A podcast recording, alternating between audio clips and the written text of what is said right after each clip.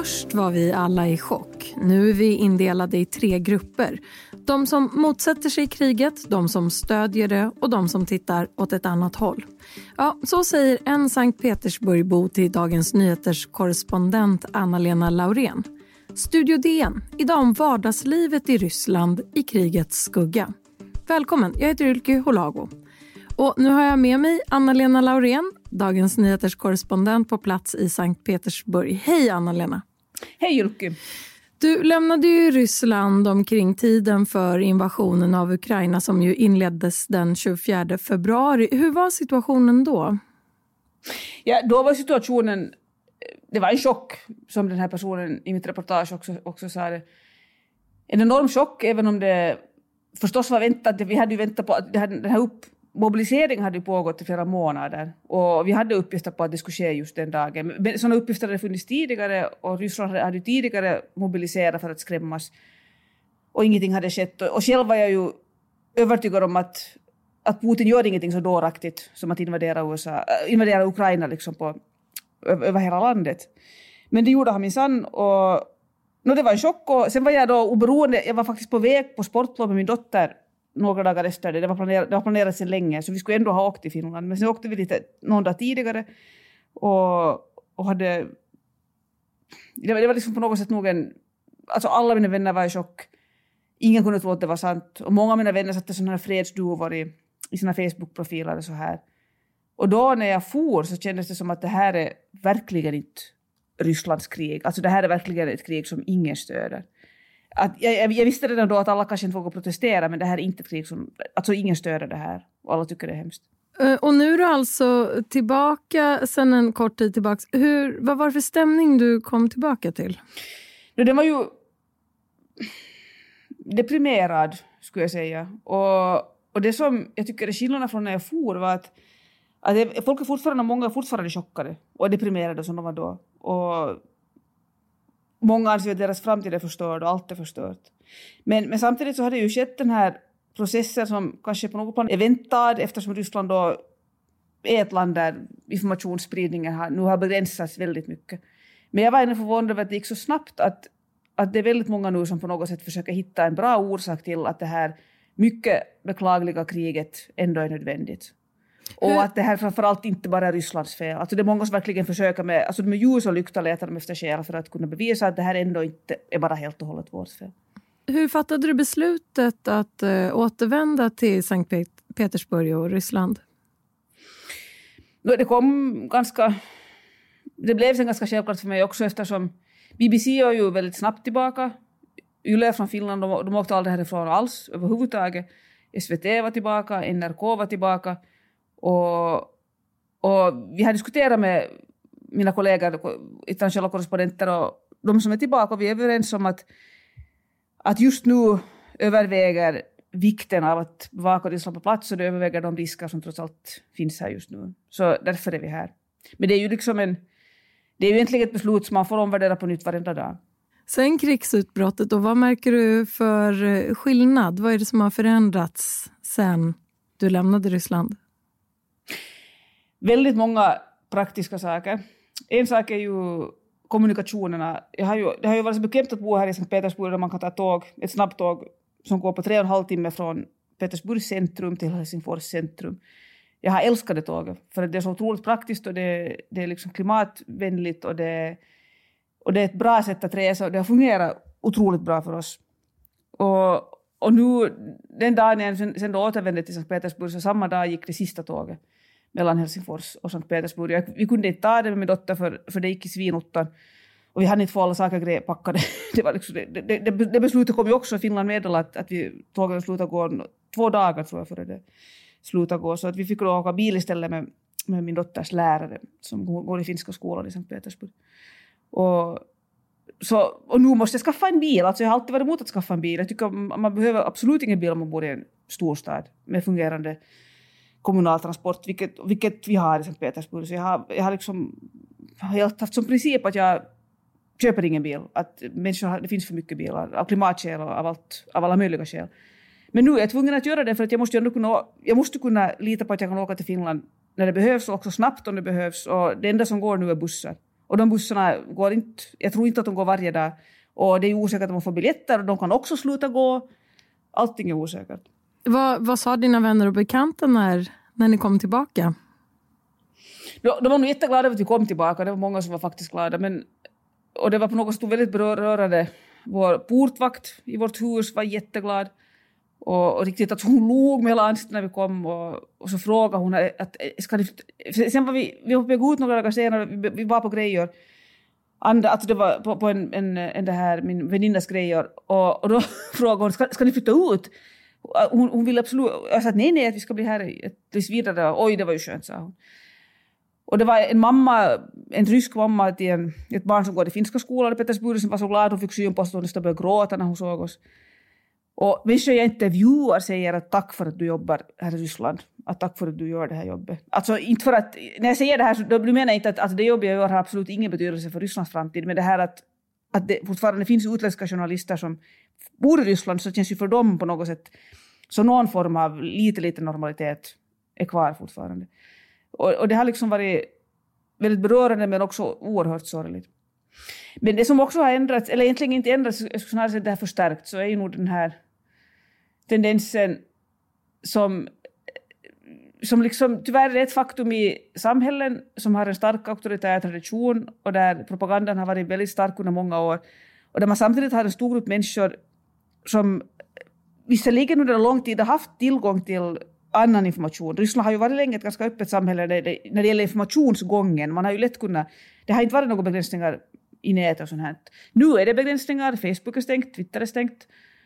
BBC går inte att öppna, alla möjliga västliga medier går inte att öppna. Man, man, man kan, med, med, VPN så funkar allt, så det är inte på det sättet på något sätt omöjligt, men det är klart att det blir ett hinder för alla människor skaffar sig ett VPN.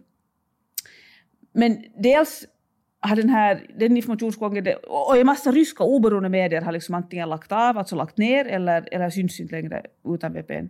Och det gör ju att människor har, har mindre information. Alltså det är klart att det finns fortfarande, men det är besvärligt att leta fram. Men sen har vi också den här reflexen, alltså den är en mänsklig strävan efter att för, man ska, för att man ska stå ut med sin tillvaro, så vill man ju inte tänka på vad som sker i Ukraina. Man vill inte tänka på att Ryssland, att ens eget land har invaderat ett annat land och på alla de civiloffer som vi, vi har nu i Ukraina. Och då väljer man istället att tro att när det stämmer inte. Eller åtminstone det här är inte bara vårt fel. Och åtminstone det här, det här kunde ha undvikits om världen skulle ha lyssnat på oss. Att man liksom vill dela, man vill skjuta ifrån sig skulden. Och det är väldigt vanligt och egentligen borde jag inte vara förvånad för det sånt har jag ju sett tidigare här. Och, och, och liksom, jag tror också att det är helt en mänsklig reaktion när man på något sätt inte står ut med... Det är ett sätt att på något sätt klara av en tillvaro där man själv inte kan lämna landet. Men det är också jag hade inte förväntat mig att det skulle bli så utspritt eftersom, eftersom jag har varit van vid att alla mina vänner här så har ju haft samma information som jag. Och, och nu mitt i allt märker jag att, att vi, liksom, vi tolkar den.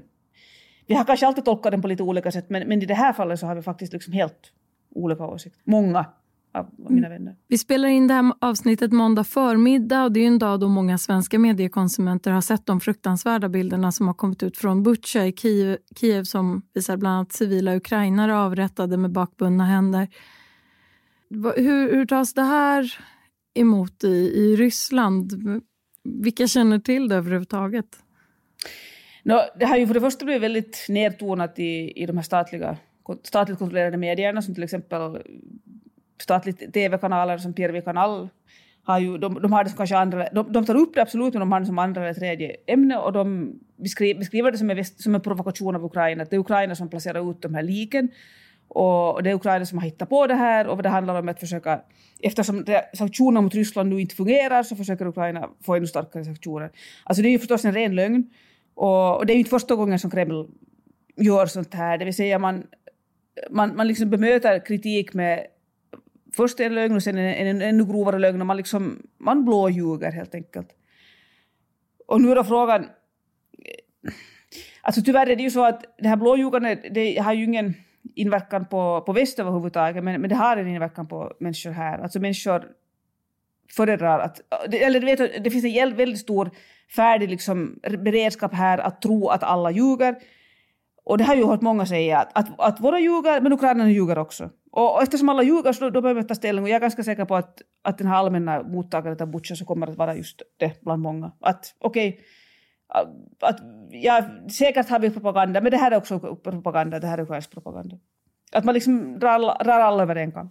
Det blir ett eh, väldigt glapp mot den eh, diskussion som pågår i Sverige och på andra håll om att ställa Putin inför rätta för krigsbrott i internationella brottmålsdomstolen i Haag. Hur märks den frågan i, i Ryssland? Då, själva Haagfrågan den har inte varit så mycket uppe nu för den är ju ganska ny. Men, men det kommer ju helt säkert att liksom bli en helt total... Jag, jag, jag tror också att väldigt ofta så tiger man ju helst ihjäl de här, så, den här sortens frågor.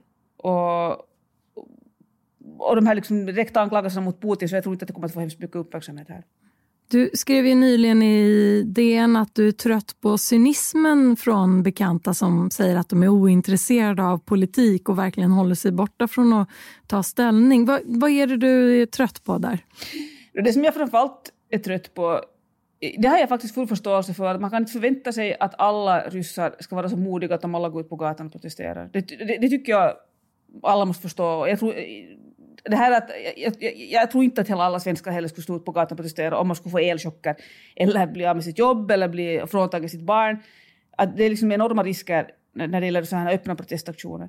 Så jag har absolut ingenting att säga om den saken, men, men det som, som ju nog en en här strategi, en överlevnadsstrategi som har bitit sig själv i, i svansen är ju den här meningen som jag ofta hört sägas på alla, i alla möjliga sammanhang, och av bekanta och icke bekanta och intervjuer väldigt ofta, att, att, jag, att jag står över politik, att jag tycker inte om politik, att det här är någonting som jag inte... Äh, som, det, här, det här är någonting som jag, jag har liksom sett igenom allting, jag vet vad det här handlar om, alla ljuger. Så därför tror man inte på någonting och därför engagerar man, man sig inte någonting, utan man liksom bara fokuserar på sitt eget lilla liv. Och, och det är en överlevnadsstrategi som, som liksom verkligen nu har lett till att, att nu har vi då en situation där där Ryssland har, liksom, har gjort sig själv till en total internationell paria. Och det som irriterar mig mycket är den här, när många som säger det här betraktar sig själva som väldigt smarta. Alltså de tror att de själva har sett igenom det här. De tror att de har insett att alla ljuger. Och de fattar inte att det är inte de som har insett någonting, utan det är det som, det, är det som hela tiden har kommit uppifrån i den här statliga propagandan. Hela tiden har man trummat in att alla ljuger. Att okej, okay, vi är kanske svinaktiga, men alla andra är också svinaktiga. Det är ju det som man säger. Och det är, liksom, det är ingen, det är ingen smart insikt som många tror här, utan det, det är inlärd propaganda och det fungerar tyvärr väldigt bra. Alltså, orsaken till att den fungerar bra är ju det att den ger en människa möjlighet att dels skjuta skulden bort från sig själv och, och samtidigt känna sig smartare än alla andra. Och, och nu har, det här har jag hört i tio år nu och nu har det liksom, det här är resultatet. Hur brukar du svara? Det här, jag brukar nog säga nu för tiden, och det sa faktiskt, som jag, jag intervjuade, på tal om det så intervjuade jag ännu när medan Navalny inte hade inte hade, det här mordförsöket inte hade skett, han inte var satt i fängelse, så intervjuade några vanliga aktivister och de talar mycket om det här att, att de säger till människor att när de säger det här så det är en inlärd, ni har blivit lärda att säga så, att ni har själv kommit på det. Men jag brukar faktiskt säga till dem att det där har du inte hittat på själv. Att det där säger alla, att det där är inte något smart. Människor blir ofta så lite häpna nästan att jaha, eller de blir så här, ah, mm, ja. Men, men liksom de, men det, det, egentligen så, sen är det också så att vissa av de här diskussionerna känns nog lite meningslösa. För att med, en person som har lärt sig att cynism är smart och känner sig smart och trygg i cynism, så, och det är nog jätteskönt att vara i den här cynismen, så inte, inte vill de ut ur den och inte kan jag få, få dem ut ur den. De, de måste ju själva inse det. Oberoende ryska medier som Novaja Gazeta har ju pausat sin verksamhet under den här så kallade ryska specialoperationen som kriget benämns i Ryssland. Hur verkar ryska oberoende journalister idag, just nu? No, många av de här oberoende journalister som jobbar på till exempel Novaja Gazeta eller Dost och Echo Moskvi, så de har ju nu egna Youtube-kanaler som de har liksom då sändningar. Och jag vet att Dost planerar att starta upp på nytt utanför Ryssland och att en stor del av redaktionen just nu befinner sig i Tbilisi i Georgien. Och Echo Moskvi har inte hört någonting om vad de tänker göra det kan vara lite svårare för Echamoskvi är så väldigt Echamoskvi är helt personifierad i den här Alexej Venediktov som är chefredaktören och han är fortfarande kvar i Moskva vad jag vet. Men mycket av det som har gjorts i Ryssland tror jag kommer att fortsätta utomlands. Men samtidigt säger ju alla ryska journalister jag känner oberoende att, att det är ju inte samma sak, att man ska ju vara i Ryssland. Och det var, det var jag som sa till mig att när jag funderade ska jag åka tillbaka eller inte, och han sa att det är klart du ska åka tillbaka. Det är ju helt självklart att det, det är nu man ska vara i Ryssland, för det är nu saker händer.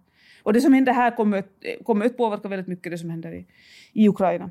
Och hur är det för dig att arbeta i Ryssland idag? Vilka begränsningar har du att hantera i arbetsvardagen? No, det som ju nog är väldigt, har blivit viktigt på ett helt annat sätt är att tänka på hur de intervjuer jag gör och de reportage jag gör, hur det kan påverka de personer jag intervjuar.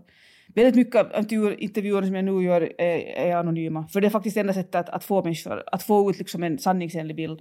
För att människor, det, det är för farligt nu att säga saker och ting i sitt eget namn. Men jag, jag planerar nu också reportage och, och, liksom, och intervjuer och, och då är det viktigt, beroende på vem det är, att det som jag tror är väldigt, kommer att liksom, jag måste tänka på mycket mer är att om man intervjuar några vanliga människor så man kan liksom inte jag tror att texterna kanske blir mer endimensionella. Så, alltså den synvinkeln att, att jag kan inte placera nu, till exempel intervjua nu en kvinna då om hur matpriserna har gått upp.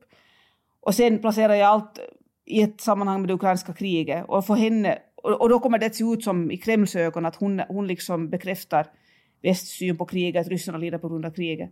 Att jag, den sort, att man, man, jag kan inte placera in vanliga människor i, i jättestora sammanhang där de liksom knyts till olika saker, utan då måste det helt enkelt bara bli en enkel text om den här människans situation. Och det, kan, det, är, det är beklagligt, men det tycker jag inte...